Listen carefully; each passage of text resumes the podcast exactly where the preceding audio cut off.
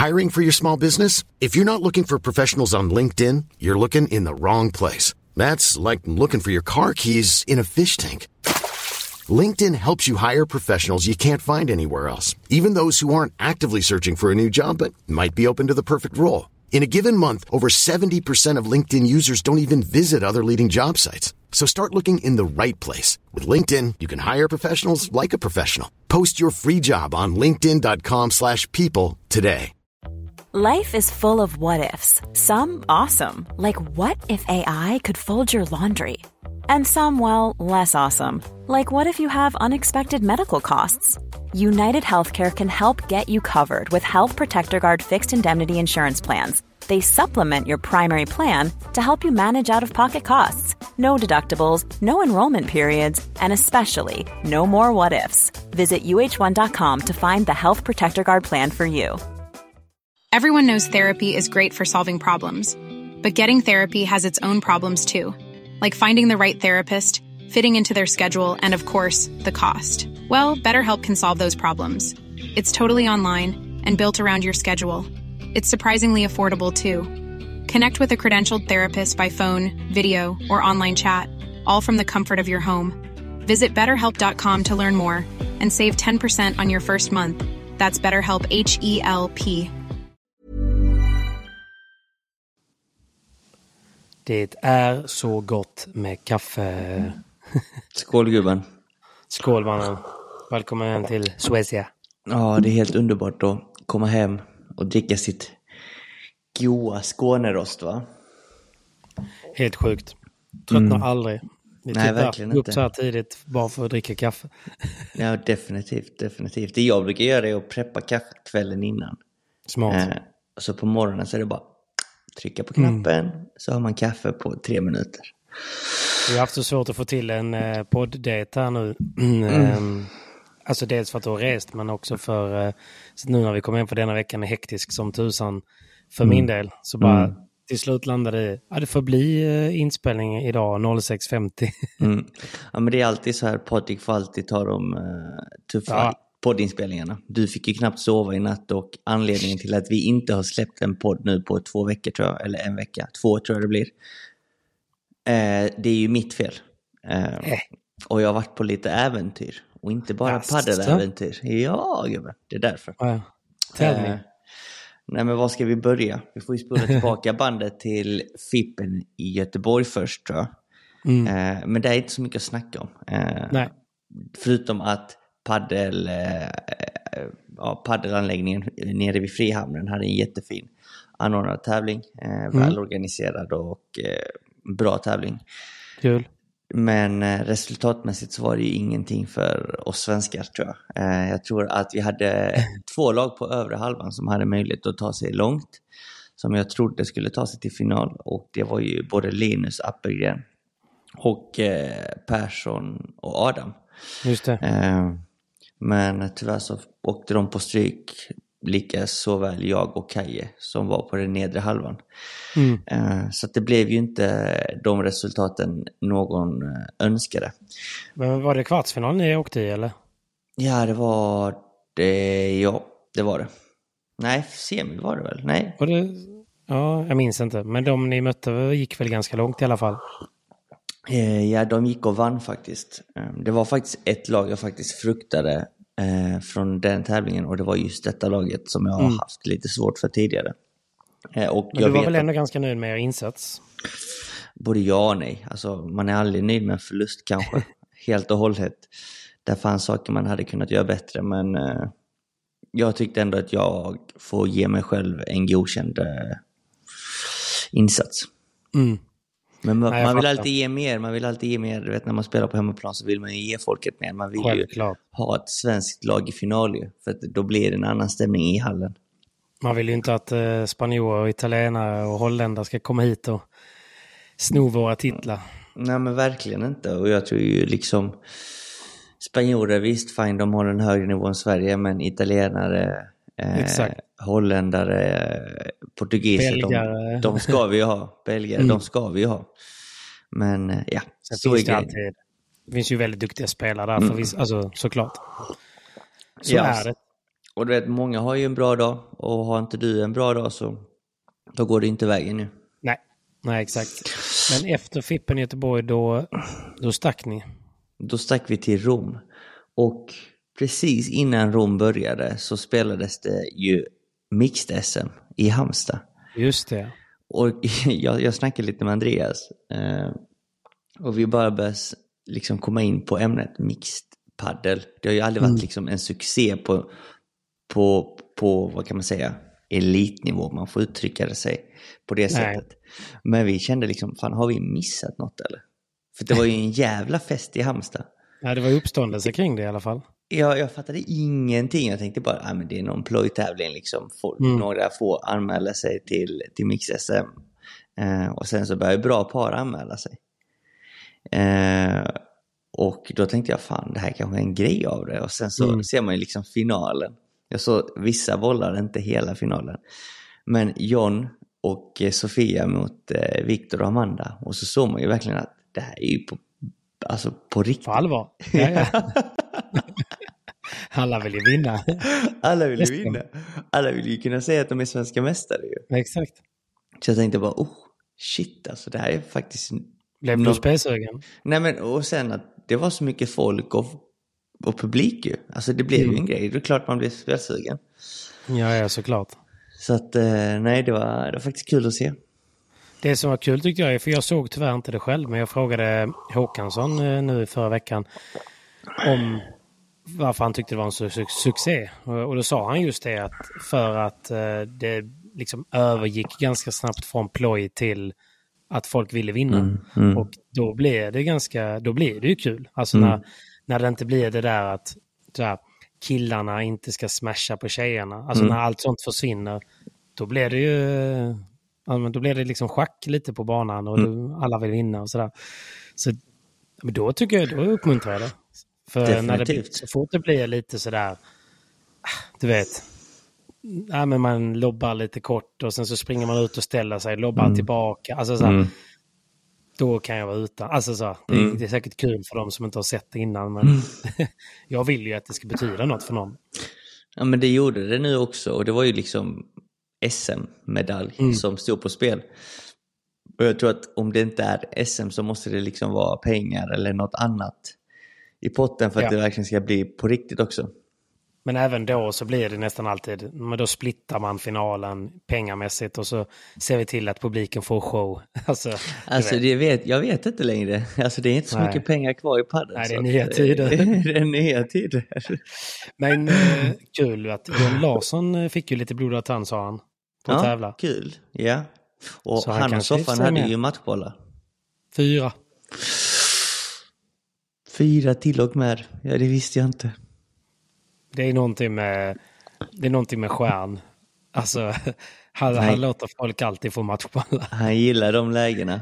Han är sån, han lägger fram den och lägger fram den så slår han någonting. Sen slår jag, exakt. Nej, vi får ju gratta Stjärn och Amanda och det var ju nästan lite tur att de vann ju. Man vet ju inte vad som hade hänt i det förhållandet annars. Men det är väl ändå allmänt, det är väl allmänt sagt att man ska inte spela tillsammans i ett förhållande. Så det är, Nej. starkt, det är ett starkt Det- test. Ja, verkligen. Klarar man av det så klarar man av mycket i förhållandet tror jag. Det tror jag också. Nej, så det var kul att det var succé. Okej, så det var ju det var ju Halmstad ja, veckan innan där och då åkte du till Rom och du var ju lite rädd för att åka till Rom för att spela en tävling i juli, var det va? Mm, stämmer. Eftersom att det brukar vara ganska varmt i Italien så, så års. Ja, precis. Eh, den här tävlingen, eh, i Ita- Italien Premier Padel, spelades Mm. i maj månad förra året. Och då minns ju alla vi spelare att det var varmt, bollen flög. ja. Skulle vi spela exakt samma tävling fast två månader senare? Och det, det fruktade man lite eftersom man vet att det är varmt i Italien på sommaren Mm. såklart. Eh, Och i Rom som är mitt i landet, alltså det är inte ute vid kusten. Eh, det är ganska torr värme. Det är ännu Mm. värre. Eh, och precis så var det. ja, det var så va? Det. Vi märkte ju av ganska tidigt att det kommer ju bli en match alltså, mot, för överlevnad mer eller Det mindre. här var kval, eller hur? Precis. Eh, Jag och Cayetano då åkte ner till Italien för att spela kvalet. Eh, vi var väl det tionde paret ifrån huvudtävlingen. Så att det är tio par som har bättre ranking än vad vi har. Eh, Ja. som, eh, som kom in i huvudtävlingen. Eh, så att, och det gör ju oss också osidade i kvalet. Okej. Det är åtta par som är sidade i kvalet och vi var par tio. Det är också Eh. därför ni jagar lite de här uh, RISE-poängen om man säger. Ja, men det är egentligen bara därför vi jagar de här RISE-tävlingarna. Eh, och i slutändan, dagen innan, så var det ett lag som drog sig ur tävlingen. Från, Okej. från huvudtävlingen. Och då poppar ju det första sidade paret i kvalet upp till In. huvudtävlingen. Så vi vart ju det nionde laget. Men tyvärr så var det inga fler som drog sig ur. Och Nej. eh, vi blev osidade och, och vi fick möta ett sidat par. Det Mm. sjätte sidade paret, Jesus Moya och Pablo Castillo. Eh, där Pablo Castillo är en bra spelare. Han är väl rankad eh, strax under 100 tror jag på Fippen. Eh, och vi har Jesus Moya som är rankad kanske eh, 50 någonting. Mm. Så att han är ju duktig. Etablerade. etablerad, haft många bra resultat, varit framme i kvartsfinaler på VPT fler, flertal gånger. Eh, Men Okej. haft, haft en liten väldigt bra. form, ja, väldigt bra, men han har haft en liten formsvacka så att vi visste att han inte var, är i sin bästa moment idag liksom. Mm. Eh, ja, men vad ska man säga, vi kan väl hoppa in direkt in i matchen och Kör. jag, vi, jag tror vi fick hoppa in, vi gick in på banan kanske halv, nej men kvart i tre typ, för inbollning. Så kvart i tre på dagen och då vet man att det är varmt. Eh, Solen står högt. Stolen står högt och det värsta var, det vi la märke till både i Madrid och Rom, det är ju att det blir bara varmare och varmare och det- pikar runt 5-6 på kvällen. Okej. Alltså på dagen. Innan, och sen går ju temperaturen ner. Ja. Men det, det är typ som att den stiger hela vägen till runt femtiden och sen Wow. börjar den sänka. Men vi började spela vid tre. Ehm, det var varmt i början kan jag säga Patrik. Alltså det var riktigt varmt. Alltså det var obehagligt varmt. Det var, det var ingen vind och när det väl kom en liten vind så kändes det som att man fick en fön i facet. Ja, exakt. Sådär skönt.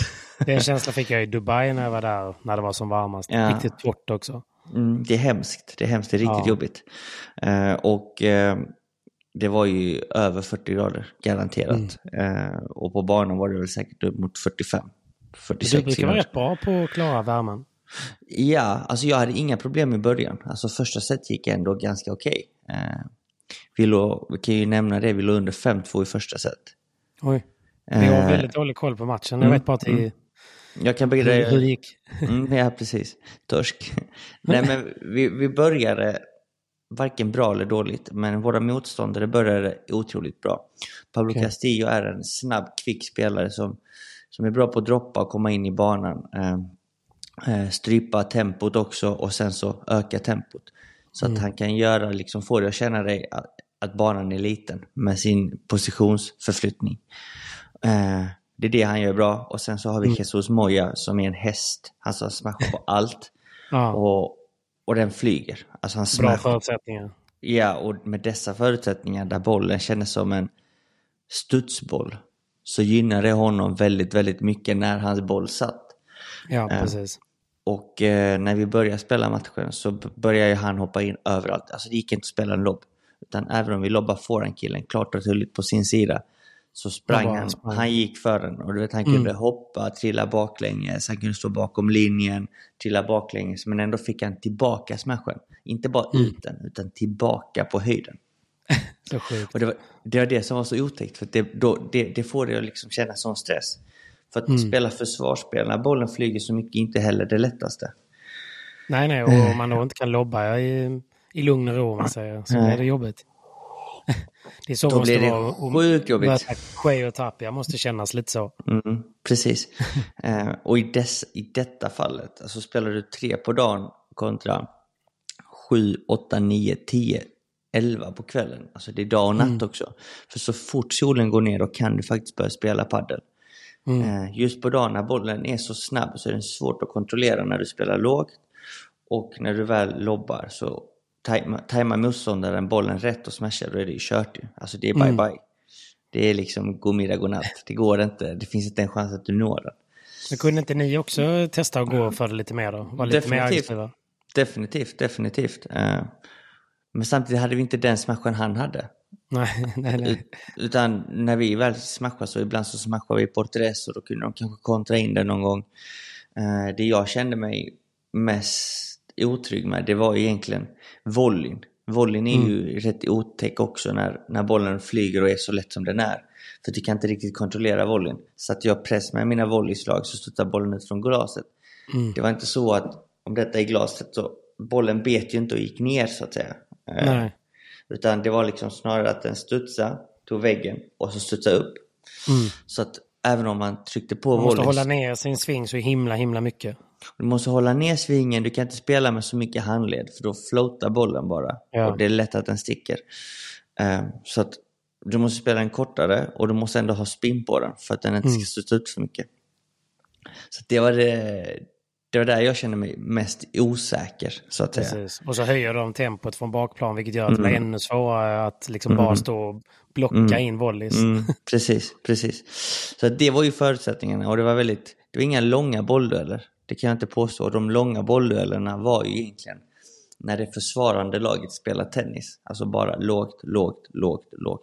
Då blev ju bollduellerna lite längre, men de var inte mm. långa. Nej.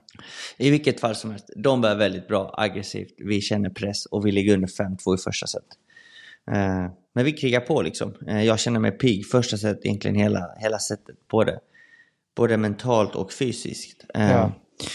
Och vi vänder setet och vinner 7-5. Sjukt starkt. Då måste man ändå få mycket konferens. Verkligen. Och där kom det ju rätt mycket misstag från Jesus Moya, backhandkillen. Mm. Volleymässigt. Alltså just volleyn börjar han missa och när han väl börjar missa så vet vi att han kan missa rätt många bollar i rad. Alltså ja. att han hamnar i en svacka och börjar tveka.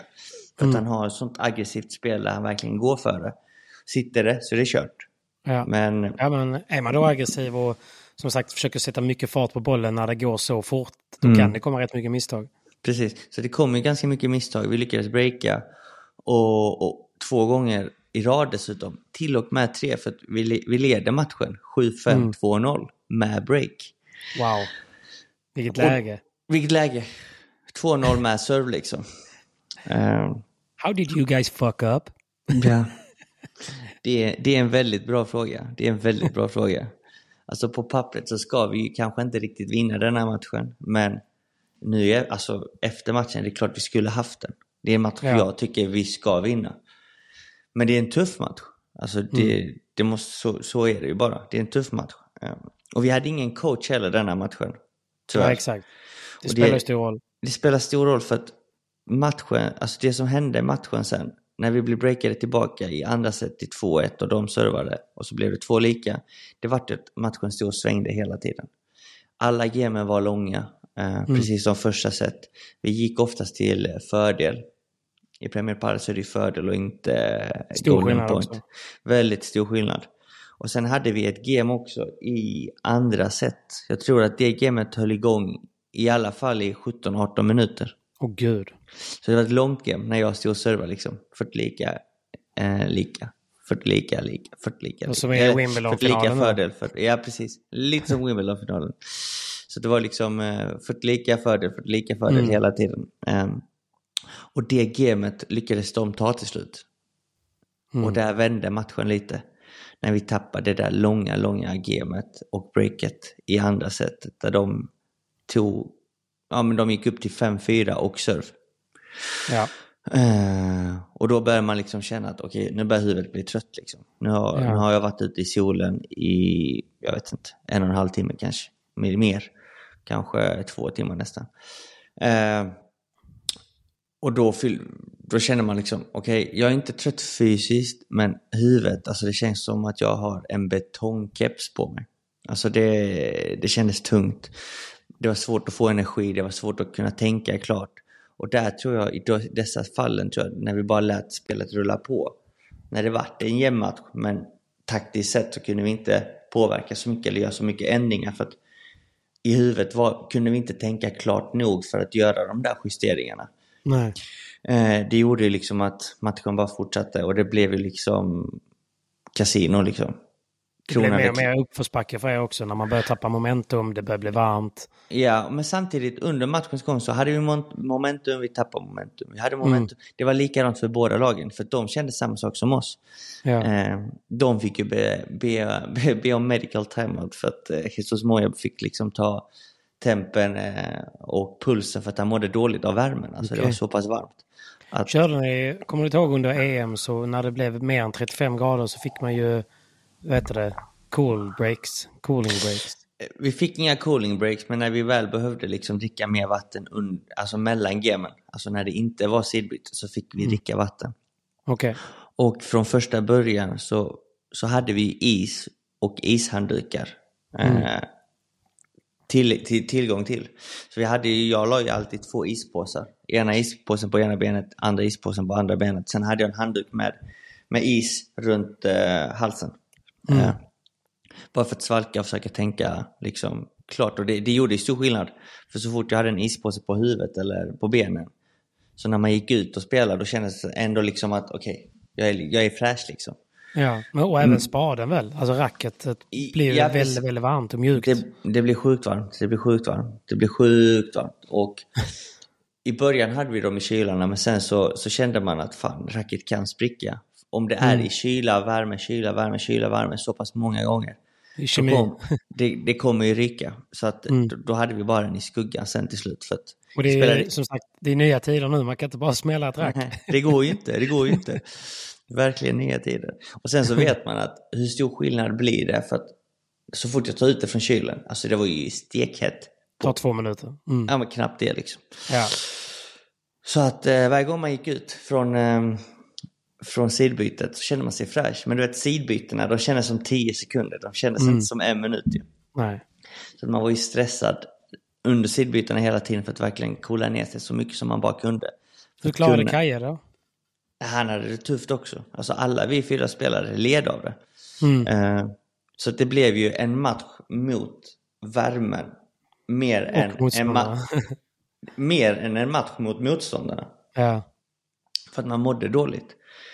Uh, och det, vart ju bara, det blev ju bara värre och värre och värre ju längre matchen gick. Uh, ja. Vi vann ju första set 7-5, förlorade andra 6-4. Och när vi ska påbörja tredje set då har vi spelat i två timmar. Mm. Så att jag tror matchen slutade 6-4 till dem i avgörande set. Och ja, breaket, ett break. och break, ett break och breaket kom i 5-4. 5-4 mm. avgörande set, det var min serve. Så börjar vi gamet med två egna misstag, kommer tillbaka till 30 lika, ett, sen gör de en bra boll och sen gör vi ett misstag till. Mm. Eh, och sen var matchen slut och då var det så här antiklimax bara, vänta, vänta nu, vad fan hände? Alltså, Två timmar och 54 minuter eller vad? Ja, två timmar 47 minuter. Och vet, matchen var ju jämn hela vägen. Inga breaks, inga breaks. Alla höll. Det var, vi kom upp till 40 lika men inte riktigt några, några, några vad var det, breakbollar. Men någon breakboll var det här och var. Mm.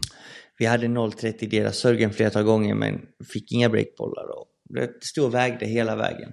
Men aldrig riktigt breakläge. Det var som att alla fyra spelare var helt slutkörda.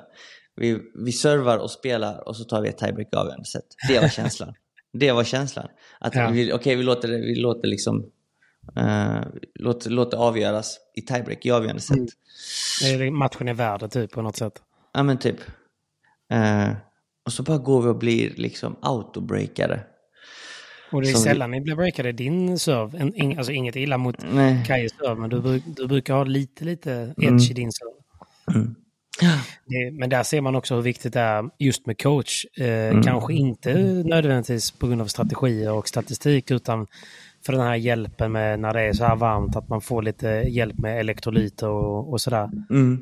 För det spelar ju så jäkla stor roll. Det spelar sjukt stor roll och nu i efterhand så är man ju väldigt så här lack. Fan också att vi inte hade någon på bänken som hade kunnat mm. hjälpa oss. Uh, men det, tanken var att Andreas skulle med. Men sen var det liksom för dyrt och flygbiljetterna var dyra, hotellet var dyrt. Um, ja, så att hela den, så att det, Sen hade vi en annan tränare som skulle sitta med oss och så meddelade han oss fredag kväll när vi spelar lördag att du grabbar, jag kommer inte, jag kommer först på söndag. Typiskt italienare. Det var sp- spanjor, men vi bara what the fuck. Det är imorgon vi behöver dig, för vi möter ett sidat par. Och vi visste att vinner vi första matchen så har vi en ganska så trevlig match i kvalfinalen. Okej, okej. Eh, but Ja, we trist. fucked it Så up. Det var, två, det var två matcher ni hade behövt vinna då. Det är två matcher vi hade behövt vinna. Eh, det, som, det som händer nu med Premier Padel, detta var en major, alltså av högsta Ja, klass. exakt. Det kan man jämföras, det kan jämföras med en Grand Slam i tennis. Och det är ju att huvudtävlingen, där kommer det kommer in 48 lag totalt med wildcards och kvalspelare. Tar Mm. du bort kvalspelarna som är åtta par så är det 40 spelare in i tävlingen. Ganska många par. Så att vi är Mm. inte långt ifrån att komma in i de här huvudtävlingarna. Men samtidigt, de som är i kvalet, det är, det är, det är inte många som får kvala. Det är, det är bara två matcher du, du ska vinna. Och anledningen är ju att de bara vill ha de bästa i dessa tävlingarna. Så det, jag förstå. samtidigt som att det är väldigt surt och jobbigt för många spelare som kanske är kanske rankade mellan 120 och bakåt. Att de kommer inte in i tävlingarna om de inte spelar med någon som är högre rankad. Nej. Men då Så får de också tävla, de får tävla oftare bara. Precis, tävla oftare och spela de här FIP Prize, FIP Star och Mm. alla de här andra tävlingarna. För det, det, jag tycker det är bra, för nu finns det ju faktiskt möjligheten att spela Mm. många tävlingar. Mm. Förut kanske det inte har funnits det. Då har det Nej. varit lite annat, då måste man köpa Mm. sig in. Men nu är det så här, nu får man ta jobbet. Ja, nu får man verkligen ta jobbet. Definitivt. Så att, ja. Ja, Och så det- hur, var, hur var tungt efteråt? Ja, men man var helt tom efteråt. Alltså, vet, när matchen var slut så tänkte man, vad fan hände? Typ sextiden på kvällen då? Det, det, exakt, klockan var, ja precis, nästan sex. Mm. Så att vi tänkte bara, vad fan händer nu då? Vad gör vi nu? Vi kan inte säga att vi förlorar denna matchen. Åkte, vi, vet- åkte vi hit för detta liksom? Och man var helt slut i huvudet. I huvudet Ja. var jag helt färdig. Uh, fysiskt sett, det är klart kroppen var trött men inte så här. Det var inte så Nej. att jag kände att jag sprungit ett maraton, absolut Du är inte. maskin också. men eh, det var jobbigt mentalt också att förlora en sån match för då visste man fan nu är tävlingen över. Mm. Vi visste att hade vi vunnit den matchen så hade vi troligtvis kanske kvalat in. Och Ja. kvala in är sjukt viktigt för att det ger bra med I pengar. också. Det ger bra med pengar. Och det är mycket poäng. Och det är, det är det som är det viktigaste poängen. Och göra bra ifrån sig i majors. Det är liksom A och O. Det är också respekten på touren lite man vill Ja. ha. För man, man träffar de här spelarna vecka in och vecka ut och sådär. Mm. Man vill ju in. Precis, man vill ju in. Eh, Det är det som var störigt. Ah. Så att det, det var en jävligt tung förlust faktiskt. Mm. Det var en väldigt tung förlust. Eh, Hur gjorde ni efteråt då?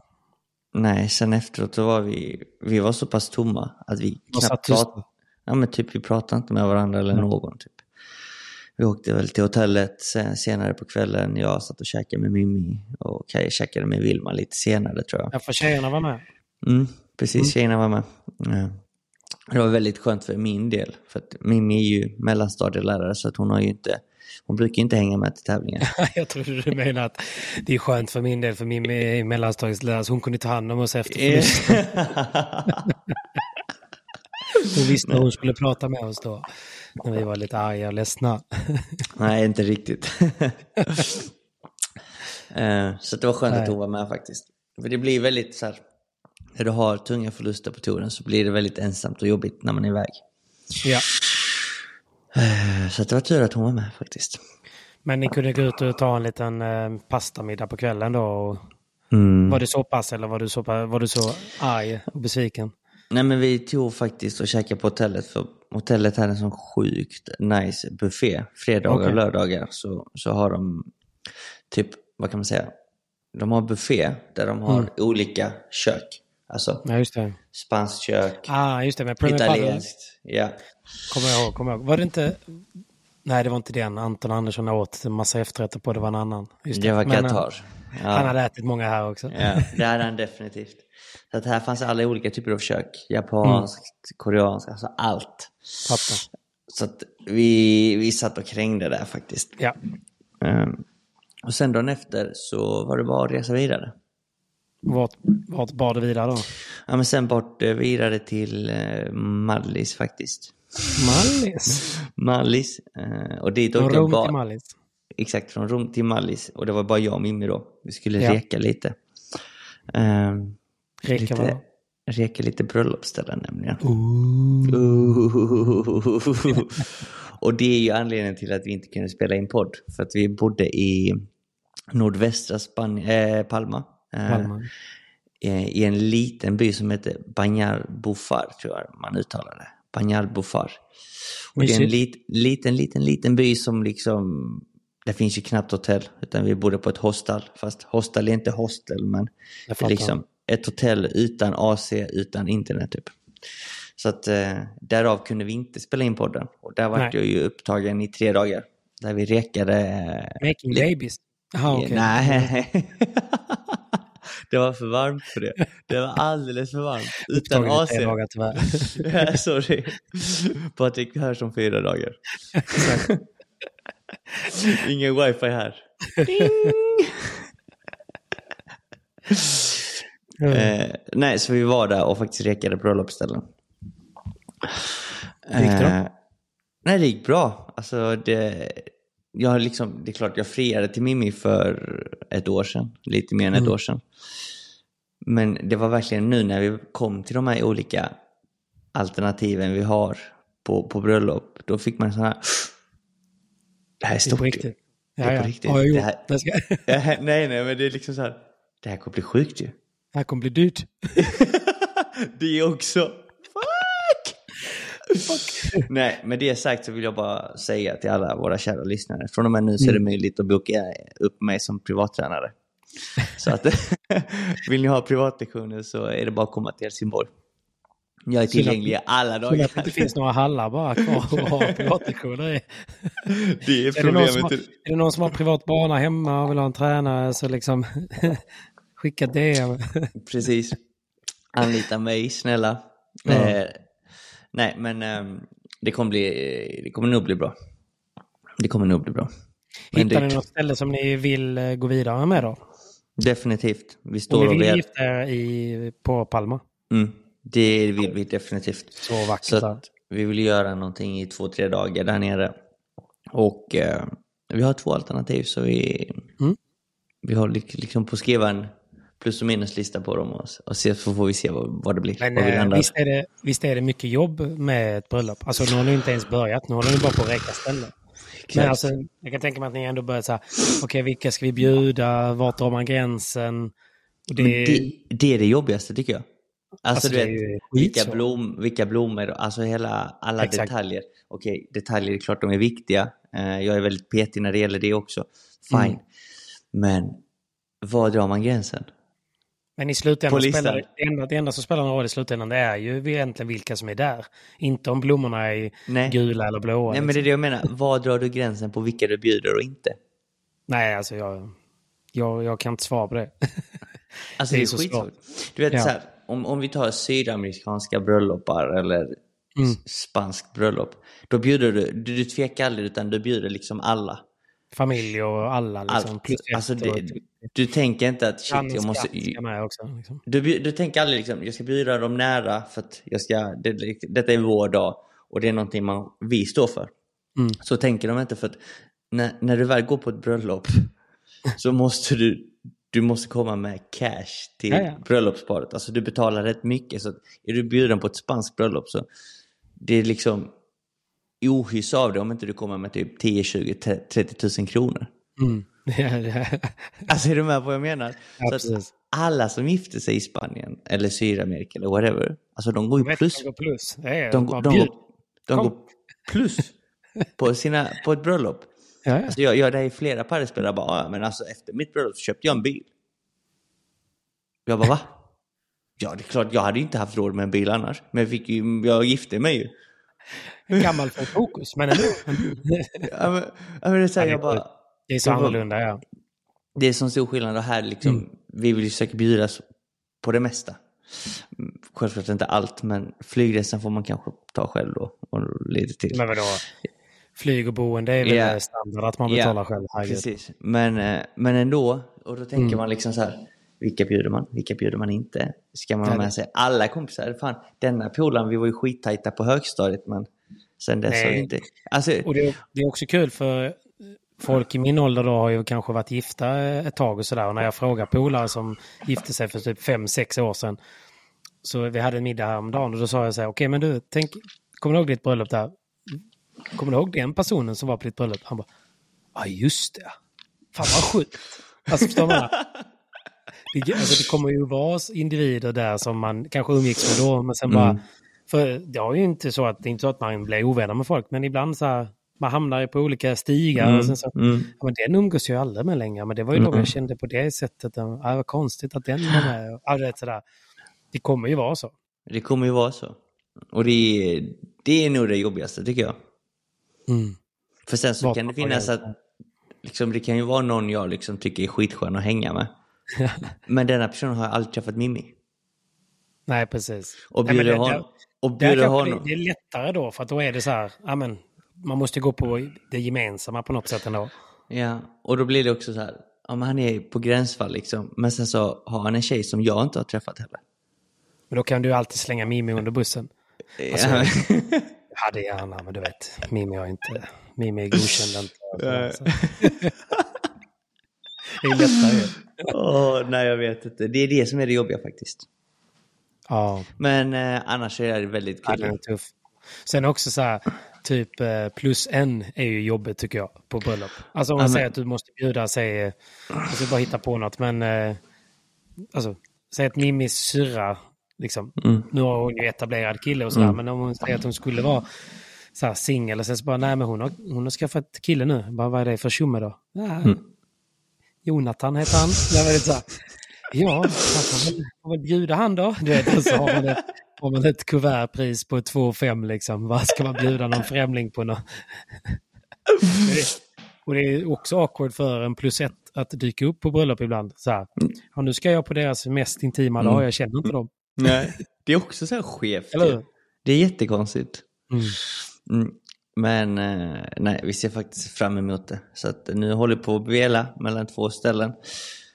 Och jag har, sån, jag har lite ångest på också. Jag tror jag behöver lite hjälp här Patrik. Ja. Och kära lyssnare. Hit me. Jag har inte varit på så många bröllopar, men Mallis, vi, vi, jag vill inte säga outa datum heller, men jag vill outa så lite som möjligt. Jag vill inte visa någonting av det vi kollar på, men juni, juli, augusti, där någon gång blir det av. Har vi prellbokat. Mm. men det är varmt ju. Det är varmt. Och vi vill ju ändå att, okej, okay, det ska vara ett fint bröllop, man ska klä upp sig, man ska ju liksom ha kostym. Mm, såklart. Men kan man ha kostym på Mallis i juni, juli, augusti månad? Alltså, Utan att det blir för jobbigt som kille. Det för kommer tänker, ju bli jobbigt. Alltså det, så det, så jag, jag försöker föreställa mig hela situationen att okej, okay, är man tjej, fine, du har en klänning det luftas ändå, du vet så här, det andas. Det luftas. Ja men du vet så här, det är skillnad. Men vad fan ska du ha kostym? Allting är ju stängt, alltså härifrån mm. och ner till fötterna så är det ju liksom... Men du vet, någonstans är det så här, det är bara olika grader av varmt. Du kommer vara, mm.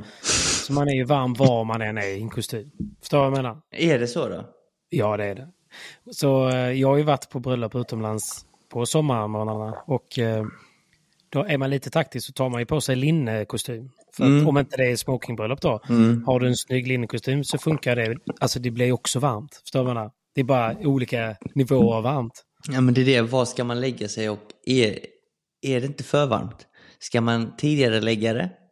Typ ja, du menar april, bröllopet? Ja, ska man tidigare lägga det april, maj månad eller ska man senare lägga det september, oktober? Alltså det enda är det kommer ju vara varmt då också. I kostym. Ja, ja. Men det är också så att... ha en reservskjorta. Alltså, så, så är, är det ju. Och det, är inte, det är inte värre. Nej, nej, så är det ju. Jag vet inte. Det, det, det är så många beslut om... För att det är regnperiod på Mallis maj månad och september, oktober börjar det regna lite mer. Ja. Så, så här, tidigare lägger du det. Det jag tänker då, vilket är nice, är att allting är grönt. Det är skitnice och det är inte, mm. det är inte så pass varmt. Det är 25 grader kanske. Mm. Senare lägger du det, fine. Det, det, liksom, det är fint, eh, allting är bra, det är lite svalare. Men det kan regna. Och anledningen till att vi ska gifta oss på Mallis är också att vi ska få, liksom, jag vill ha fint väder. Jag vill ha sol. ja, men lite så. Jag vill, jag vill inte att det ska vara grått och pissigt ju. Nej, nej alltså jag tror inte man ska tänka så mycket. för det är så lite man kan påverka vad det gäller just de bitarna. Tänk i så fall istället hur man kan planera runt dagen och venuen. Jag menar, mm. kör man juni till augusti då kanske man får hitta de är ju också proffs på det. De, det enda mm. de gör där ni ska gifta er är ju att arrangera bröllop. Mm. Man kanske inte måste ha vigseln mitt i solen då. Och om man har det så kanske man inte ska ha en 45 minuters vigsel. Alltså då Nej. kanske man... För det är ju oftast bara... Själva vigseln är ingen fara. Det är, problemet är ju tiden innan vigseln. Mm. För som gäst så är det kutym att du är där minst en halvtimme innan vigseln mm. slutsatt mm. tid. Tar din plats.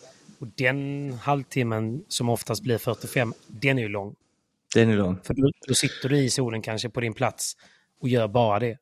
Ja.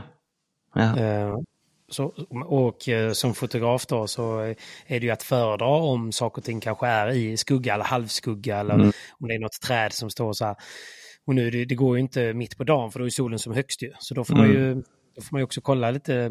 Det är bra typ att dra ner. Det finns ju massa sådana här uh, fotografappar där man, eh, du kan stå på location och så ser mm. du vart solen är olika tidpunkter, hur den riktar yeah. sig. Så nu, har de, nu har du ju någon koordinater där och du kan ju mm. språket mm. så det är lite lättare mm. för dig. Men annars är det ju bra, bara för att hålla koll på just en sån bit. Så att, alltså, tänk, jag tänk, tänk inte så mycket på sånt utan tänk, fokusera bara på vad du och Mimmi, alltså, men på riktigt alltså vad du och Mimmi vill ha. För gästerna kommer anpassa sig. Alltså, ja. Är det någon som är lite varm, då, då kommer de ställa sig i skuggan. Alltså, mm. det, det ordnar sig. fattar, fattar. I'm Sandra, and I'm just the professional your small business was looking for. But you didn't hire me because you didn't use LinkedIn jobs. LinkedIn has professionals you can't find anywhere else, including those who aren't actively looking for a new job, but might be open to the perfect role, like me. In a given month, over 70% of LinkedIn users don't visit other leading job sites. So if you're not looking on LinkedIn, you'll miss out on great candidates like Sandra. Start hiring professionals like a professional. Post your free job on linkedin.com/people today. Millions of people have lost weight with personalized plans from Noom, like Evan, who can't stand salads and still lost 50 pounds. Salads generally for most people are the easy button, right? For me, that wasn't an option. I never really was a salad guy. That's just not who I am. But Noom worked for me. Get your personalized plan today at Noom.com. Real Noom user compensated to provide their story. In four weeks, the typical Noom user can expect to lose one to two pounds per week. Individual results may vary. Det är det, jag har ju bara varit på två bröllop och det var ju förra sommaren.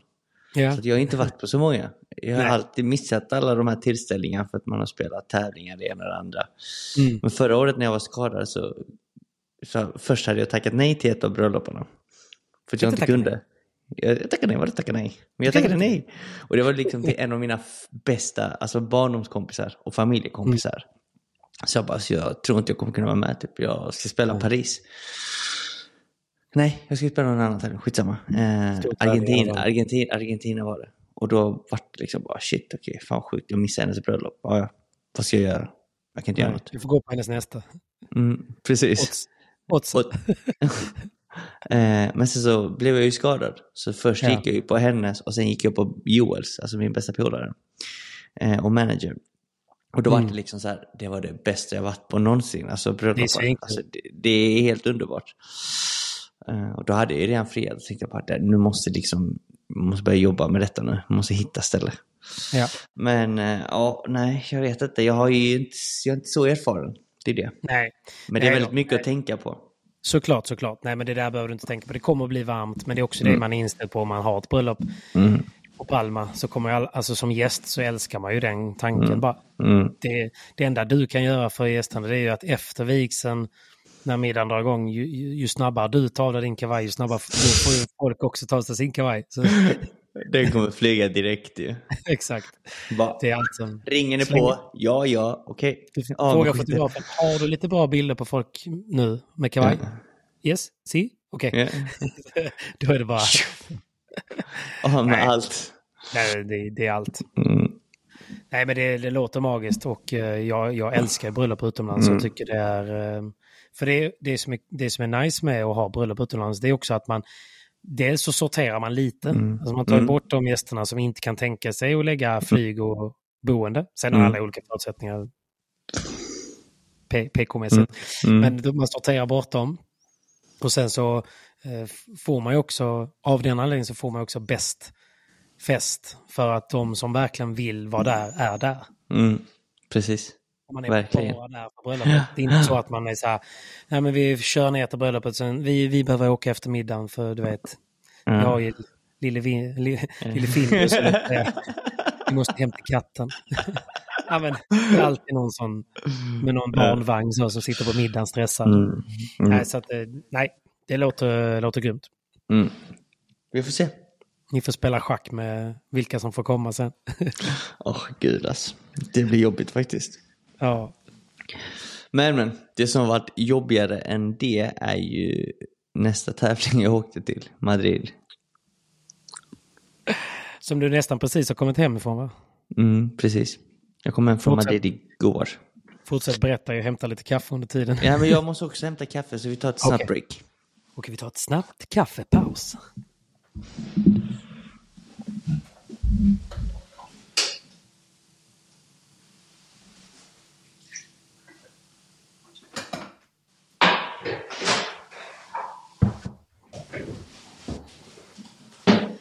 Jag var snabbare än Simon. Yes!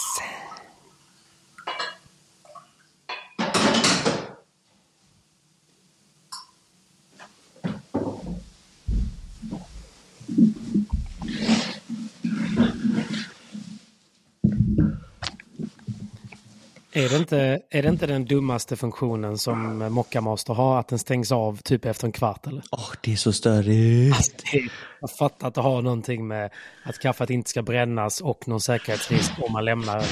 Men... Mm. Har jag satt på den, låt den vara på. Låt den vara. Jag har satt åtta koppar och det är för att jag ska dricka alla mm. dem. du dricker en guldmugg. Ja, men det är en liten fin kaffekopp. Som Mimmi har köpt in. It's golden. It's Gold. golden. Gold. golden boy. Men ja, något som är jobbigare än bröllopslistan det är ju resultatet i Madrid. What the fuck man? Uh, what the fuck man? Uh, nej, men uh, det var ju två premiärparer i rad. Först Rom och nu spelas ju Madrid. Uh, mm. Första och andra omgången spelas när denna podden spelas in. vad ska jag säga? För egen del så, så vart det liksom, vi mötte eh, Rama Pereira. Så för er som inte vet vem det är så är det en partner som hoppade in som Vindal spelade med för två år sedan, ett och ett halvt år sedan. Och gick till kvalfinal för första gången i Madrid. Jag vet inte om oh, ni minns. Detta var ingen koll på honom alltså? Mm, ett och ett halvt år sedan, argentinare när jag och Johan Bergeron gick till kvalfinal för första gången. Mm. Samma tävling så gick ju Danne till kvalfinal med just Rama Pereira. Och det var han vi okay. mötte med en annan argentinare. Eller argentinspanjor. Eh, Marcus Cordova som är en forehandspelare som jag personligen inte tycker är så märkvärdig. Han är inte Nej. jätte liksom vass. Nej. Men han, han gjorde det han skulle göra bra och så var backhand-killen ganska hästig i denna matchen och var överallt och gick före och det gick hans väg. Han spelade väldigt bra. Ja. Och eh, jag och Kaje spelade desto sämre då faktiskt. Eh, vi kunde liksom inte riktigt anpassa oss till förutsättningarna. I Madrid nu års så är det ju väldigt, väldigt varmt. Vi spelade tack och lov inomhus, men det var väldigt varmt i hallen. Vi... Var ni på M3? Vi var på M3, fast den nya hallen. Ja, och då, för er som har varit där så finns det ju tre banor på bottenvåningen och de är typ nedgrävda under marken. Så det är ganska svalt. Men de andra banorna är uppe på då andra våningen. Mm. Och där är det ju desto varmare. För att Såklart, värmen stiger. Värmen stiger och sen så när det är så varmt som det är nu i Madrid, vilket är typ 40 grader också. Mm. Eh, vi fick ju varningar varje dag att hålla oss inomhus för att det skulle vara så varmt. Typ. Då, då ligger stolen på taket och vi spelade på den banan där uppe.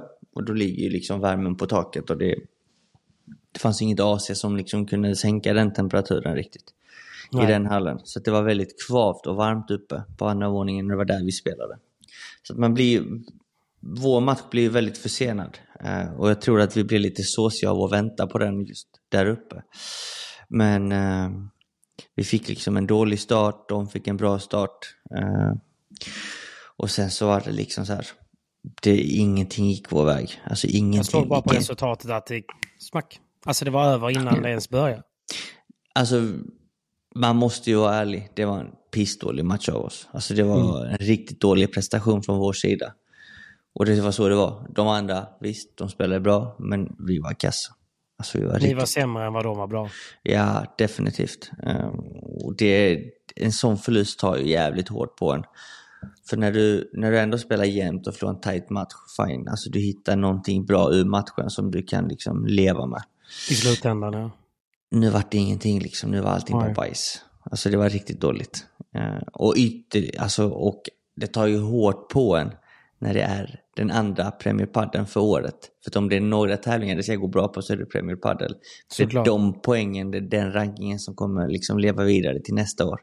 Mm. Och så gör vi två pissiga tävlingar där vi förlorar första omgången i kvalet i båda två. Båda, ja. Det var tungt. Det var tungt. Eh, och här var det också lite extra skönt att Mimmi var med. Mm. Eh, och då kände jag direkt efter den förlusten, liksom, bara ta, ta mig hem nu. Nu måste jag hem och ladda batterierna med mitt team. Jag måste liksom samla ihop mig med, med gänget, med Andreas, eh, fystränaren David och alla. Liksom, och bara lägga upp bra träningsveckor inför kommande tävlingar. Så får något annat att fokusera på. För det, det, det, eh, det är det enda man vill göra så fort en sån match är avspelad så vill man bara låt mig trycka på reset-knappen och ta mig härifrån så fort som möjligt så att jag verkligen Mm. liksom kan jobba mig in till nästa tävling. För att när du har två dåliga veckor som jag har haft nu så tar det på en väldigt mycket mentalt. Eh, och nu har jag ändå liksom en... eh, jag jobbar ju väldigt mycket med den mentala biten också med Vidar, eh, en psykolog. Mm. Så att det, det, hade, det hade tagit mycket hårdare på mig för ett år sedan. än vad det vet nu. Än Det nu. är stor skillnad. Mm. Också medialt ju. Det också för den delen. Alltså innan tyckte jag att det var den jobbigaste delen Mm. överhuvudtaget. Eh, nu är det liksom så att man inte riktigt bryr sig. Nej. Eh, utan det viktiga för mig också är att liksom, jag vill vara väldigt transparent och ärlig där. Eh, för att ibland så, så medierna skriver om matcher som de inte liksom har sett. De har inte sett en enda boll. Och de kanske inte har frågat än eller jag kanske inte har varit nårbar för att jag har liksom varit så liksom arg och pist från matchen att jag inte liksom velat ge några kommentarer direkt efter matchen. Nej. Men eh, nu vart det verkligen som jag sa nu, liksom, matchen i Madrid, den var pissig, den var dålig, den var urusel. Eh, och det, det är liksom ännu tråkigare att det förlorar på det sättet. Eh, Mm. Sen tycker jag också att matchen vi förlorade i Rom, den hade gett oss otroligt mycket liv och poäng och hela den biten, men också satisfaction. Att vinna den där tuffa matchen hade gett oss liksom confidence. Eh, den hade gett oss liksom mycket mer. Och nu förlorar vi den och ovanpå, Och det, så gör, nästan. ovanpå det så gör vi en riktigt dålig tävling. Eh, Det veckan finns efter. inget, finns inget så här dåligt fokus i hela uppladdningen eller att ni hade tjejerna med eller alltså det är någonting sånt där i laget. Nej. Alltså, jag vet inte. Det är klart man alltid kan göra saker bättre i efterhand. Eh, Men jag åkte till Madrid i tre dagar innan för att träna och Mm. akklimatisera mig eh, till förhållandena. Eh, Kaj kom då lite senare, dagen innan. Men jag vet inte om det påverkar hans spel så pass mycket. Eller jag, det, det kan jag inte uttala mig om. Men jag Nej. gjorde min bästa Alltså jag känner mig ändå trygg och bra i de förutsättningarna. För att det var även här i denna hallen jag liksom kvalade in till min första VPT. Mm. Eh, så att jag, jag, jag har ju goda minnen från denna hallen. För det var där jag och Jaime kvalade in till Paraguay. Precis. och så när jag väl kom dit och började träna eh, inf inför denna tävlingen så kände jag att okej, första passet gick sådär, andra bättre, tredje kändes riktigt bra, fjärde också bra. Så att Mm. Jag fick ju i mig tillräckligt mycket pass, tyckte jag i alla fall, för att liksom känna mig trygg och spela där. Definitivt. Så att jag kan inte skylla på det. Så att min förberedelse var ju ändå ganska bra. Jag körde liksom på min fys i Palma. Eh, och så la jag liksom racket lite åt sidan. Samtidigt som jag kollade mycket paddel. Eh, Mm. Men sen när jag kom till Madrid då blev det ju ganska många pass. Och bra pass tycker jag. Men samarbetet sinsemellan då, nu är ju du Kaje Mm. bra polare ni har spelat mycket ihop, men hade, hade det varit någon annan du tävlade med så hade du nog ifrågasatt samarbetet lite efter några tävlingar nu. Ja, men nu har det gått tufft alltså. Nu har det, Mm. jag och Kaj, liksom, vi bör, när vi började spela ihop nu igen i våras så gick det ju bra. Alltså det flög. Ni vann ju första tävlingen i Göteborg. Vi vann, vi vann Fippen i Göteborg. Där det var många bra par. Eh, direkt efteråt spelade vi Fippen i Borjana. Där vi gick till final, slog många par.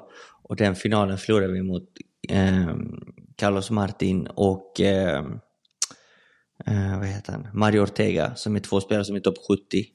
Mm. Och där torskade vi en tight, tight, tight tresetare. Svinbra tävling av oss. Mm. Och sen har det börjat gå sämre. Vi vann ju i och för sig SPT. Torremolinos också vann ni. Ja, eh, vi vann Torremolinos. Eh, men det var inga... Nej, Alltså det, det var liksom en promotion. Fine, vi vann den. Det är bra. Sen vann vi också SPT, men utöver det, de internationella tävlingarna när vi åkte till Saudiarabien, Egypten, de gick skit båda de två veckorna. Eh, och nu har det gått lite tungt på slutet. Så att det är klart, ehm, jag tror inte man ska frågasätta teamet, men, men du ifrågasätter det man gör. Liksom, vad kan jag göra annorlunda för att vända på detta? ja. Man måste liksom försöka hitta lösningar innan man, på problemen innan man liksom... För Kaje är inte med dig, om man säger i ditt team i veckovis. Så här. Han är inte Nej. med och tränar i Helsingborg och gör samma förberedelser som du gör där. Nej, Kaje bor ju i Stockholm ju. Så att eh, han har ju sitt upplägg där uppe. Sen är han mycket i Marbella också och tränar vet jag. Mm. Eh, så det är ju bra. Eh, Ja, verkligen. Så att, nej, där teamet, teammässigt så jobbar vi inte ihop veckovis hela tiden. Nej. Det gör vi inte. Och det är svårt att hitta någon som man kan göra det med. Alltså innan har jag haft problemet att mina partners kanske bor i ett annat land. Alltså när jag spelade med Jaime Menendez så var, var det jag som fick åka ner till honom i Madrid Ja, exakt. och köra på där. Vilket var sjukt bra träning, jag lärde mig sjukt mycket. Men jag var liksom inte hemma. Och det är någonting jag verkligen känner att jag behöver emellanåt. Att vara hemma. Och jag vet ju att jag vet och jobbet vi gör med teamet här hemma är tillräckligt bra. Mm. Och proffsigt. Mer proffsigt än vad det är på många andra ställen. Mm. Eh, Men det enda vi saknar här är egentligen lite sparring för att få upp tempot. Eh, Jag har ju verkligen saknat Danne nu när han har varit borta. För att, få det där, för att få det där tempot emot mig, så att säga. Mm. Eh, Så att eh, jag har ju saknat den där lilla extra uh, uppåtsparringen med Danne då. Eh, och sen, eh, ja, jag vet inte. Man försöker hitta lösningar helt enkelt. Och jag, Ja. Dan, Dan är ju tillbaka nu och tränar för fullt. Så att det är sjukt kul. Eh, mycket bra för alla som, Verkligen. som, är, liksom, som tillhör teamet Ja. att träna med och mot. Så att eh, det är skitkul för honom också att han är på, liksom, på väg tillbaka. Mm. Och se honom med ett leende. Så att eh, det, det är jävligt härligt. Ja. Nice. Mm. King. King DV. Vi behöver ha tillbaka honom på touren. Definitivt. Om det är det han vill. Precis, Ja. om det är det han vill. Självfallet. Men, eh, men han är på god väg tillbaka och, och lirar bra faktiskt. Mm. Spelar jättebra. Så att, eh, jag, jag kom hem i förrgår natt, eller ja, igår natt, så körde jag ett pass igår med honom. Ja. Jag och eh, Danne satte Adam och Albin på plats. Nice. Vore fan annars, tänkte han. Ja, men, de, men de spelar bra alltså, Albin och Adam. Jag tror de, kommer göra, jag tror de kommer göra det bra tillsammans. Så att, eh, Mm. Det är en liten heads up för alla som kommer korsa dem här på hemmaplan eller internationellt. Jag, tror de kommer göra det väldigt bra tillsammans. Ja, de ska de parar ihop, ja. Precis. Det är ett nytt par, så att eh, den konstellationen kommer nog eh, vara farliga faktiskt framöver. Men det är tillfälligt, va? Nej, Nej. var det tillfälligt? Det är inget tillfällig ihopparning. Nej, nej. De, eh, de har flyttat ihop, de bor Okej. tillsammans, de är sambos och de ska Jäklar. tävla tillsammans. Så att de, de kör verkligen all in. Så skulle det här skita sig så får de, då blir det en riktig skilsmässa. Boende och allt. Exakt. De är, också, de är också fem meter tillsammans. Mm, det är de också. De är jävligt långa tillsammans. Ja, det är det. Ja, så att eh, det blir kul att följa dem faktiskt. Verkligen. Ja, det är så jäkla kul att det kommer lite underifrån här. Mm. Nej, det är nice. Roligt. Men du, de, eh, jag missade ju tyvärr Albin, men jag var ju nere på eh, A1 i Halmstad en sväng. Mm. Mm. Tell Jag, me all about it. Nej, men det var ju en sån mellanvecka för mig lite. Jag har haft mycket jobb och det var den enda veckan där jag hade lite tid att ladda inför denna veckan som, som är ganska eh, sjuk för mig. Eh, För det är Mm. väldigt, väldigt, väldigt mycket jobb. Men, eh, men den veckan var nice, så då den enda dagen jag kunde komma ner var ju tyvärr på lördagen. Och då fanns det inga svenskar kvar. Nej, och det var semifinaler som spelades då va? Precis, precis. Så jag åkte ner då, så jag missade ju tyvärr Albin och gänget. Men det var ju dock väldigt god stämning. Jag kom ner till ett varmt, soligt Halmstad. Mm. Vilket är trevligt. Så, och det är bara en och en halv timme ifrån uh, Göteborg. Så det var ju ganska enkelt att bara ta sig ner och sen... Du vet, det, det var så här gött för jag har inte varit... Du vet, kommer du ihåg när vi spelade i Båstad för två somrar sedan och sådär. Det är så nice när det är lite paddelfest i en lite mindre stad. Mm. Mm. Att man liksom träffar folk som gillar paddel. Det blir lite den här... eh, Det, det känns som att paddeln lever då. Mm. För det kan lätt bli att man, man blir själv meddragen lite i det här mediala. Man läser varje dag en halv till i konkurs, en halv till i konkurs. Mm. Till slut så känns det bara som att allting... Det finns ingen som spelar padel längre. Nej, nej. Nej, Ingen sig. nej, men jag tror de här inramningarna som A1 i Halmstad, att de bygger upp den här paddelbanan mitt på torget, det är ju klockrent. Liksom all, alla möjliga personer som är, befinner sig i Halmstad får ju se det här. Och då tänker de, shit vi, vi, går in och kollar liksom, vad händer? Och så kan man gå in och kolla på någon match så tänker man, shit det här är ju skitbra match. ju." Vi tar något att käka så kollar vi på nästa också. Och då blir det liksom rinna på vatten där att shit, det är faktiskt kul ju. För att Padel Live, det är ju, Det är ju kul. Liksom, det är ju action, det är ju kul, det är kul att följa. Och man såg ju att den här inramningen var ju bra ju. För att Det var riktigt proffsigt. när, när, när Appelgren och Stjärn spelade så var det ju fullt med folk. Och Mm. Albin och Anton så var det ju också mycket folk. Och, du vet här, det blir ju bra stämning. Sjukt bra stämning. Arrangörerna hade ju också tänkt till på något sätt. För man ska inte glömma så här, det är ju ganska dyrt att bygga upp en sån här grej. Alltså att hyra läktare till exempel. Jag kommer bara ihåg när de spelade första A1 i Kungsbacka på Hede som nu tyvärr också har gått i konkurs. Men de berättade ju för mig, de, dels så fick de montera ner en bana och sen hyrde de in en läktare på kortsidan bara. Mm. En ganska så här brant läktare. Alltså bara den kostade typ 80 000 om dagen att hyra. Ja. Nej, läktare är sinnessjukt dyrt. Så vilket gör att bygger man, säg att, och då, då ska du bygga upp det här på ett torg tillfälligt. Alltså allting. Det är personal som ska bygga det, det ska rama in det snyggt och så vidare. Så att det, det, det behöver ju kosta typ 300-400 spänn att gå in på sån här grej. Och då förstår jag också att inte man kan kanske gå dit med sina kits. Man kan inte... Men det arrangörerna gjorde bra då var ju att när svenskarna spelade var ju också att de droppade priserna och när det blev lite regnuppehåll och så vidare så sa men kom hit gratis om ni kommer ikväll. Alltså, de, de gjorde ändå vad de kunde för att få det till en folkfest. Och eh, alltså, när man har varit på VPT några gånger som jag har varit så inramningen här var ju bra mycket proffsigare och själva uppbyggnaden av banan. Nu fick jag ju faktiskt chansen att spela också på banan. Det var ju väldigt, väldigt mycket bättre. De, hade ju, de har en annan teknik, vet, de lägger ju också ett sånt här eventgolv. Men de lägger ju eventgolv, sen lägger de en sån här, typ en mycket, mycket hårdare yta ovanpå det. Ah, smart. Sen bygger de banan, så du får inte alls den här tjungen som det blir på Nej. VPT-banorna ofta. Nej, precis. Vilket gör att det blir ihåliga studsar. Typ som att spela på NK-taket första året. Mm. Så känns det ibland att spela på VPT-bana 2, 3, 4. Så är det att spela på Ja. VPT och Premier Padel för den delen. Att Nej, det men känns precis. ju att det är luftigt liksom. Verkligen så luftigt ja. Och det är Trampolinaktigt. därför man ser typ så här Galan och dem när de ska serva så står de så försöker studsa bollen och så tittar han på domaren bara vad ska vi göra? Alltså vi kan inte ens studsa bollen. Kasta ner den. liksom. Ja. Ja. Och, det, och då fattar man också hur jävla bra de är. För att det var så här, jag spelade någon gång och så var det ju någonstans det blev någon konstig skarv eller det blev någon konstig studs. Och då missar man ju bollen för att den studsar ju inte som vanligt. Nej, Men, det gör men, inte. men när de spelar match, då tänker man knappt på det. Nej. Så du måste, alltså, du måste hela tiden, det är också då man inser så här, du måste förutsätta att varenda boll kan få en liten felstuds, vilket gör att du måste vara tidig där, du måste ligga lågt, så om den flackar ut så är du ändå där. Ja, Alltså precis, precis. Det är också en del av det. Men eh, nej, så stor eloge till hur de byggde upp det och uh, inramningen där, för det var riktigt, riktigt coolt. Mm. Riktigt Mm. ball. Uh, sen var det kul att få sitta med lite i studion och, och köta lite och tugga lite och så är det ju alltid roligt att se Tolito Mm. live. Så är det ju. Såklart, herregud. Show Tyvärr show. torskade de, tyvärr torskade de i semin. Ja. Men eh, de tog det i alla fall till tre set och bjöd på lite valuta. Mm. ja, det är ju bra. Mm. Så att nej, A1 håller hög klass. Och Verkligen. mycket rolig padel faktiskt. Så att, Roligt padel.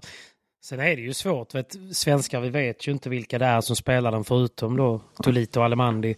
Mm. Så man, man betalar ju kanske inte för att gå och se på folk man inte vet vilka det är. nej. Till skillnad mot om det då är Galan, Quay och Tapia. Alltså, då är det ju så här, då, man är ju ganska villig att betala och Mm. att gå in på VPT de här dagarna när vi var där i Marbella, det är ju typ så här 20-25 euro. Mm. Så att, och då får man ju en hel dag där. Då går man ju runt och så är det lite bra erbjudande och så. Så att det är ju tufft. Det är ju tufft det här med att bygga upp en tillfällig by och kunna räkna hem det. Det går typ inte. Nej, Man måste ha bra sponsorer, bra folk kring sig och som Mm. marknadsförare är bra. Och liksom att man har tillräckligt mycket saker alltså, som man kan sälja på plats. Mm. Alltså mervärdesförsäljning, alltså det kan vara sälja popcorn, eh, sälja racket. Alltså det, du, måste, Ja, ja. du måste sälja grejer om du ska droppa på inträdespriserna ju. Alltså du, du måste få in pengar på något sätt. Och Nej, det är ett jävla hästjobb bakom. Mm, enormt. Ja, men väldigt kul Men att de det blev gjort-. De har gjort alla rätt verkligen. Så att det var coolt. Och så var det Mm. gött att jag och Håkansson fick tvåla till eh, Nordin och producent Peter. Oj, oj, oj, vad blev det då? Ah, Jo, säg då. jag tror det blev... Eh, vi spelade tre set och vi släppte som mest två game per set. Då. Uff, slakt deluxe. Ja, det är Håkansson på min backhandsida, du vet. Och då kände jag mig trygg. Nej, nej, kickar han älskar ju... Nej, men han gillar ju sina rolos. Ah, de ja. Alltså, mot gallret då? Mot gallet. Ja. Kick mot galler. Det är Kick Håkanssons favorit. Han har rätt bra spinn på kulan. Alltså han gillar ju att få mycket skruv på den. Ja, ja. Då är den ju otäck. För så förflyttar man inte honom, då är han farlig. Ja. men då är det, då är det ett lag att slå alltså. Det och Håkan. Och, eh, och i crossen hade jag ju Nordin då. Och förflyttar man honom, då blir han inte så farlig. För, förflytta, ta andra steg. Men däremot när man lobbar, lobbar man lite kort på honom, då smäller det.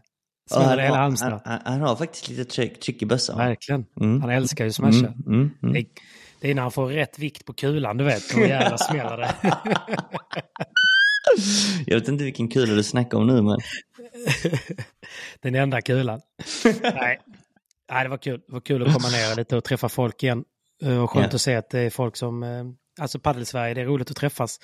Det är därför det är viktigt med de här tävlingarna. Mm, definitivt. Och eh, hatten av till Howler också, domaren som eh, nu var konferencier denna veckan. Ah, Gjorde det jätte, jättebra. Nice. Han var grym. Han kan allt. Tutti. Tutti Han kan- balutti. Han kan döma ut, han kan... Ska... Ja. Nej, han var grym. Han var grym. Så eh, det var det. Och sen så fick vi ju fick vi en god... eh, Vi kan ju också segwa över. Vi har ju sent i avsnittet, men vi har Mm. ju såklart även denna veckan en god sponsor vid namn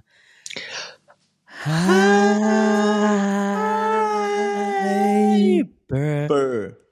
Jag smyger in den idag för att Mm. min sambo ligger och sover. Men, ehm, nej, men jag eh, spelade ju på Wimbledon-finalen givetvis. Såklart. Vilken jävla match. Vilken match! Mm. Och jag hade ju inte behövt spela på den för, man, eh, för den var ju så pass underhållande. Men vilken valuta man fick för pengarna. Ja, du gick ju... Det var en win-win för dig. Jag vann ju också. Men, eh, men framför allt, vilken match! Ja, den var helt otrolig. Vilken talang han är. Carlos Alcaraz. Alcaraz. Du har ju träffat honom. Jag har När träffat du honom. eh, var på den här akademin och tränade. Mm, när jag spelade med Piotr, han tillhör ju Ferrero-akademin, tennisen. Och Ferrero och Sanjo har ju också en paddelakademi. Mm. Och allt detta är ju på samma anläggning utanför Alicante. Mitt ute i ingenstans. Mitt ute i ingenstans. Och den här killen, han var ju då tränare. Ja. Carlos Alcaraz. Då var han ju 19 bast och världsetta. Vilket är helt sjukt. Så sjukt. Mm. Sån talang. Sånt djur han är också. Mm. Alltså hur han förflyttar sig och hur han kan spela tennis är helt makalöst. Alltså, jag, med kolla på de två. Alltså jag tänker så här, den talangen han har, den kap fysiska kapaciteten han har, om han hade spelat padel, alltså han hade slaktat alla. Alltså hade han spelat padel och satt på, han hade slaktat alla. Alla, alla, alla, alla, alla. alla. Med tanke på hur mycket lättare padel är också. han, hade kunnat, han hade kunnat vinna själv. Han hade kunnat vinna själv, spela själv han hade på ena sidan. Han hade varit en Quayo, hade han varit. Han hade varit girigare, ja. Girigare. Mm. Ja. Ja. ja. helt otrolig final. Och det var lite som i den matchen du berättade om. Det, här, eh, det var ju ett game i Djokovic serve som gick till eh, fördel 40 lika, fördel 40 lika. Den höll väl på. Jag vet att jag, jag kollade på en sån här fulstream. Mm. vilket gjorde att jag hade franska kommentatorer. Men de sa någonting så här om att det hade varit, gamet var så långt att det var Björn Borg McEnroe mm. tider liksom. För det var också, de, de, de hade också något sånt game som pågick i en timme ju. Men, eh, men att de, de höll på i det, det gamet pågick ju nästan i en halvtimme eller vad det var. Ja, jag tror det höll på i minst 22 minuter i alla fall. Ja. Alltså 22 minuter för ett game, det är lång tid. Alltså ett game. Det kan ju vara ett, ett set game. om man har otur. Men då i alla fall så lyckades han ju breaka och vinna det. Mm. Och det, det kändes lite som att med, så här, med facit i hand, att där och då så kände jag så här, nej, där fattar han att han vinner. Han kan vinna mm. idag. Han kan vinna idag, ja. För det, han fick ju sån jäkla kramp när de möttes i en final senast. Och det har väl väldigt mycket med nerver att göra. Särskilt mm. när man är 19 och i den fysiska förmågan han har. Då får man ju inte kramp för att man har druckit lite för lite salt. Alltså. Nej, alltså du får ju kramp av två anledningar. Antingen är du riktigt dåligt tränad eller så är du jävligt nervös. Mm. Och som du nämner, de möttes i Franska öppna finalen. Eh, och efter ett set så började han krampa. Det är inte det normalt. Liksom. Det händer inte. Men i detta fallet, det jag blev chockad över var ju att det, Djokovic började sinnessjukt bra den här matchen. Mm. Han slaktade första set 6-1. Och Alcaraz hittade inte spelet överhuvudtaget. Men sen så vart det liksom att Djokovic började få lite tankar att shit, jag kan vinna denna matchen.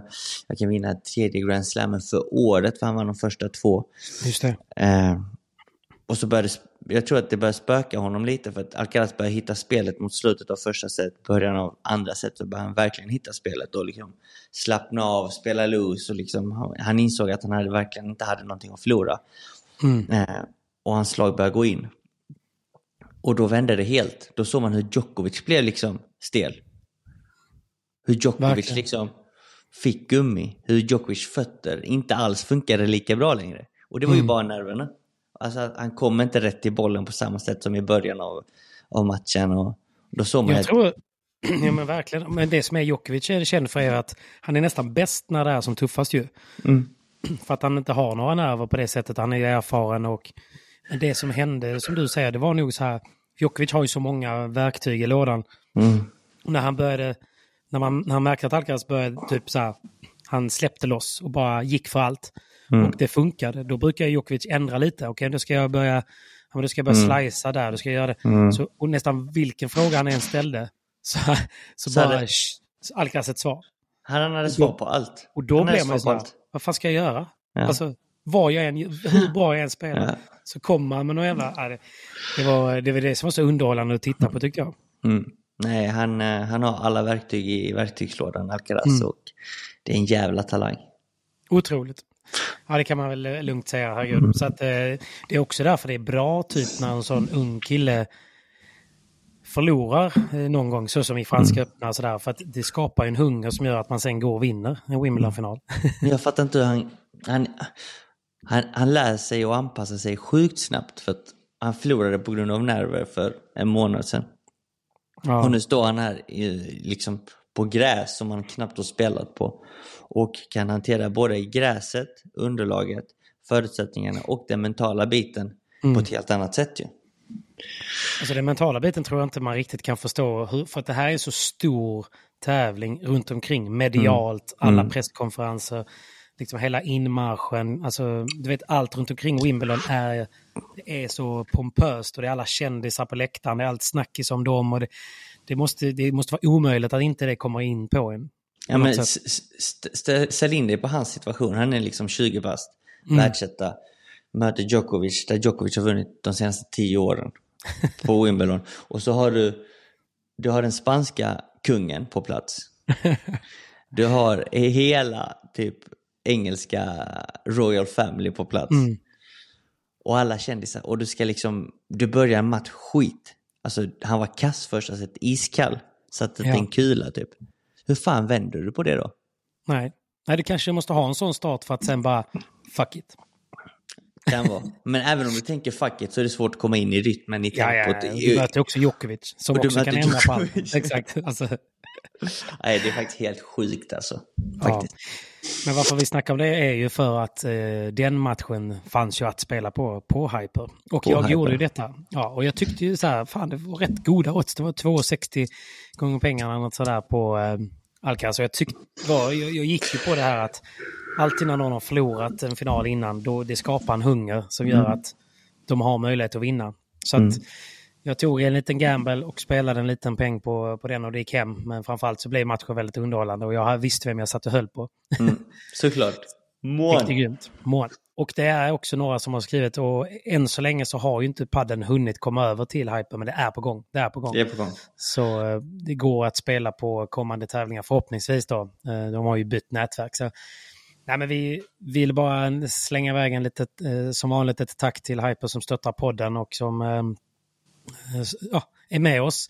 Och eh, jag är med dem och det finns ju otroligt mycket sporter. Det finns otroligt mycket att spela på inne på Hyper. Livebets och eh, olika. Nu är det ju allsvenska ingång också. Eh, så vi bör inte fråga om hur det går. Malmö levererar ju ungefär som vädret här i juli. Det regnar konstant. Så att eh, där går det inte lika bra för mig, men det finns att spela på. Så att eh, jag uppmanar eh, för de som gillar eh, sportbett och tycker det är kul att ha någonting medan man tittar att ladda ner appen för bästa upplevelse. Kolla in, kolla in Hyper och, alla odds. För det finns så mycket att välja på där. Verkligen. Det blir lite roligare att ha en liten 50-lapp på när man sitter och tittar. Definitivt, definitivt. Så, Jag har lite nej, men, och eh, som vanligt, man måste vara 18 år. Man eh, ska alltid spela ansvarsfullt och man kan besöka stödlinjen. Tack snälla, tack snälla Hyper. Stort tack. Grymt Ja. gubben. Du, eh, vi behöver väl runda av här. Jag tror det. Vad, eh, vad, är nästa, vad är nästa för dig? Det är lite oklart. Det är lite oklart. Du, på tal om kändisar på Wimbledon-finalen, såg du att det satt rätt mycket kändisar på eh, Premier Padel i Rom? Väldigt många kändisar. Mycket Fotbollsspelare. fotbollsspelare. Det är någonting Det gillar jag. de gör bra i Italien. Alltså det är sjukt många stora fotbollsspelare som stöttar och hjälper till med padden. Mm. Eh, det är allt från liksom Totti, De Rossi, eh, Vieri och massa fler italienska spelare som har Massa paddelklubb. legender. Massa legender som har paddelklubbar. Eh, Mancini, trä, tränaren också. Och Mm. då, okej, alla har ju inte paddelklubbar men de, Men de gillar paddel? De gillar Mm. paddel. Och eftersom de kan spela paddel och tycker att det är kul så är de med på olika sorters event. Mm. Det kan vara att typ, till exempel A1 i, i Halmstad. En sån tävling i Italien eller en lokal tävling så ställer de upp och spelar uppvisningsmatcher. De kanske inte alltid är med i tävlingarna men de spelar uppvisningsmatcher. Mm. De promotar sporten sjukt bra och stöttar på bästa möjliga sätt och de behöver inte alltid gå in med deg liksom. Nej, Men nej. Bara, de, bara deras namn är med, bara de är med på eventet och liksom Närvaron gör mycket. närvaron gör ju svinmycket. Och Ja. det gör ju att bolag och andra kan investera i padden. Så Mm. där, det gör italienarna sjukt bra. Eh, där fotbollsspelarna liksom är med, stöttar, marknadsför. Och det gör ju att padden bara växer i Italien. Alltså padden i Italien är liksom... Det går rätt uppåt, alltså det är på alla Mm. sätt. Det är fler utövare hela tiden, för varje år. Eh, och det är mer pengar. Alltså de Mm. har eh, ett Serie A-spel, alltså ett ligaspel. Som, som, alltså de betalar ju hur mycket som helst för spelare. För att Ja. det är som prestige mellan klubbarna att verkligen vinna detta varje år. Mm. Så att på så sätt så har de gjort det sjukt bra i Italien. Det måste vi ta efter lite eh, i Sverige. Bjuda in Det- mer eh, alltså, idrottare till eh, våra tävlingar. Nu behöver, vi- alltså, nu behöver vi hjälp ju. Eh, Nu när behöver vi verkligen hjälp. nu när padden liksom går på knä typ och flera klubbar går i konkurs. Så att Mm. alla olika event, alla olika evenemang, alla olika saker vi kan påverka med bra, kända människor blir ju bra marknadsföring för sporten. Ja. Så att nu behöver vi verkligen hjälp och det är liksom, jag, jag bara såg det liksom att i Italien så, pff, alla kändisar spelar padel. Mm. Lite som att det var, som, som det var i padden innan. Ja, och varje gång våra kändisar i Sverige spelade paddel för två år sedan, då la de ut det på stories, de la ut det på, Mm. på inlägg. Vi behöver mer av det där nu, tror jag. Mm. Eh, För det, det kan verkligen hjälpa och göra stor skillnad. Såklart, för det är ju sånt som lockar vanligt folk. Nej, men, Ja, och det blir blir- lite uh, nyhetsvärde av det också. definitivt. Det gör de sjukt Så det bra är lite Italien. coolt. Mm, Det är coolt, Det det får vi ta efter. Men då får vi se helt enkelt vart eh, din nästa tävling blir. Mm. Och eh, du får njuta av att vara hemma på svensk mark, njuta av svenskt kaffe och eh, träna på med Andreas och gänget där nere. Vi ska träna på hårdare än någonsin, kan jag lova dig. Mm. Nice man, nice man. Gött gubbar. Eh, och du jobbar på som fan denna veckan. Du har bröllop, Gothia Cup, vad har du mer? Jag har två bröllop denna veckan. Jag har Gotia Cup eh, och vi, vi har ju allt så här sociala medier-ansvar under denna veckan med Gotia Cup. Vilket Mm. är ganska stort för det spelas ju på alla fotbollsplaner i hela Västra Götaland. Och det är sjukt. Så det ska ju liksom åkas runt, åka runt och täckas och nu du vet, bara under tiden vi har spelat in podden så har det regnat tre gånger. och solen har varit framme också. Så man, eh, man vill ju inte ha några regniga bilder. Så man ska Nej. vara lite överallt och det är alla sponsorer ska synas och sådär. Så det är ett stort uppdrag som jag tycker är svinkul. Ja, Jag älskar kul. det, för det är my- mycket känslor med där. Så det är nice. Och sen så ska jag iväg och plåta ett bröllop ikväll. Och sen, Spännande. eh, och sen så ska jag vara toastmaster på ett bröllop eh, till helgen uppe i Dalarna. Toastmaster, det är ett jävla jobb bakom det ju. Det är det ju. Så jag ska iväg och ha ett möte här nu efter med planera det lite. Ja, det är ja, skitkul. ja. Det svåra är bara att njuta av grejerna, eh, känner jag. Alltså, det är lite som vi snackar om ibland. eh, Inser man bara efter ett par år, bara, just det, den sommaren var jag på de bröllopen. Och det, Ja. du vet, Ja. man vill ju gärna vara närvarande i när man gör det, för bröllop Ja. är fantastiskt. Så det brottas jag lite med. Men eh, efter denna veckan så förhoppningsvis en, två veckors eh, semester. Kör hårt och will, eh, du kommer njuta av den kommande tiden sen, semestern. Men Det ska jag. eh, tack snälla för att ni har lyssnat och eh, vi är tillbaka förhoppningsvis nästa vecka igen om inte Simon hamnar på någon romantisk ort utan wifi. jag lovar, jag är tillgänglig nästa vecka. Då hörs vi då. Tack snälla, ha en bra dag allihopa. Glad sommar. Hej hej! Nu ska vi se. Stopp.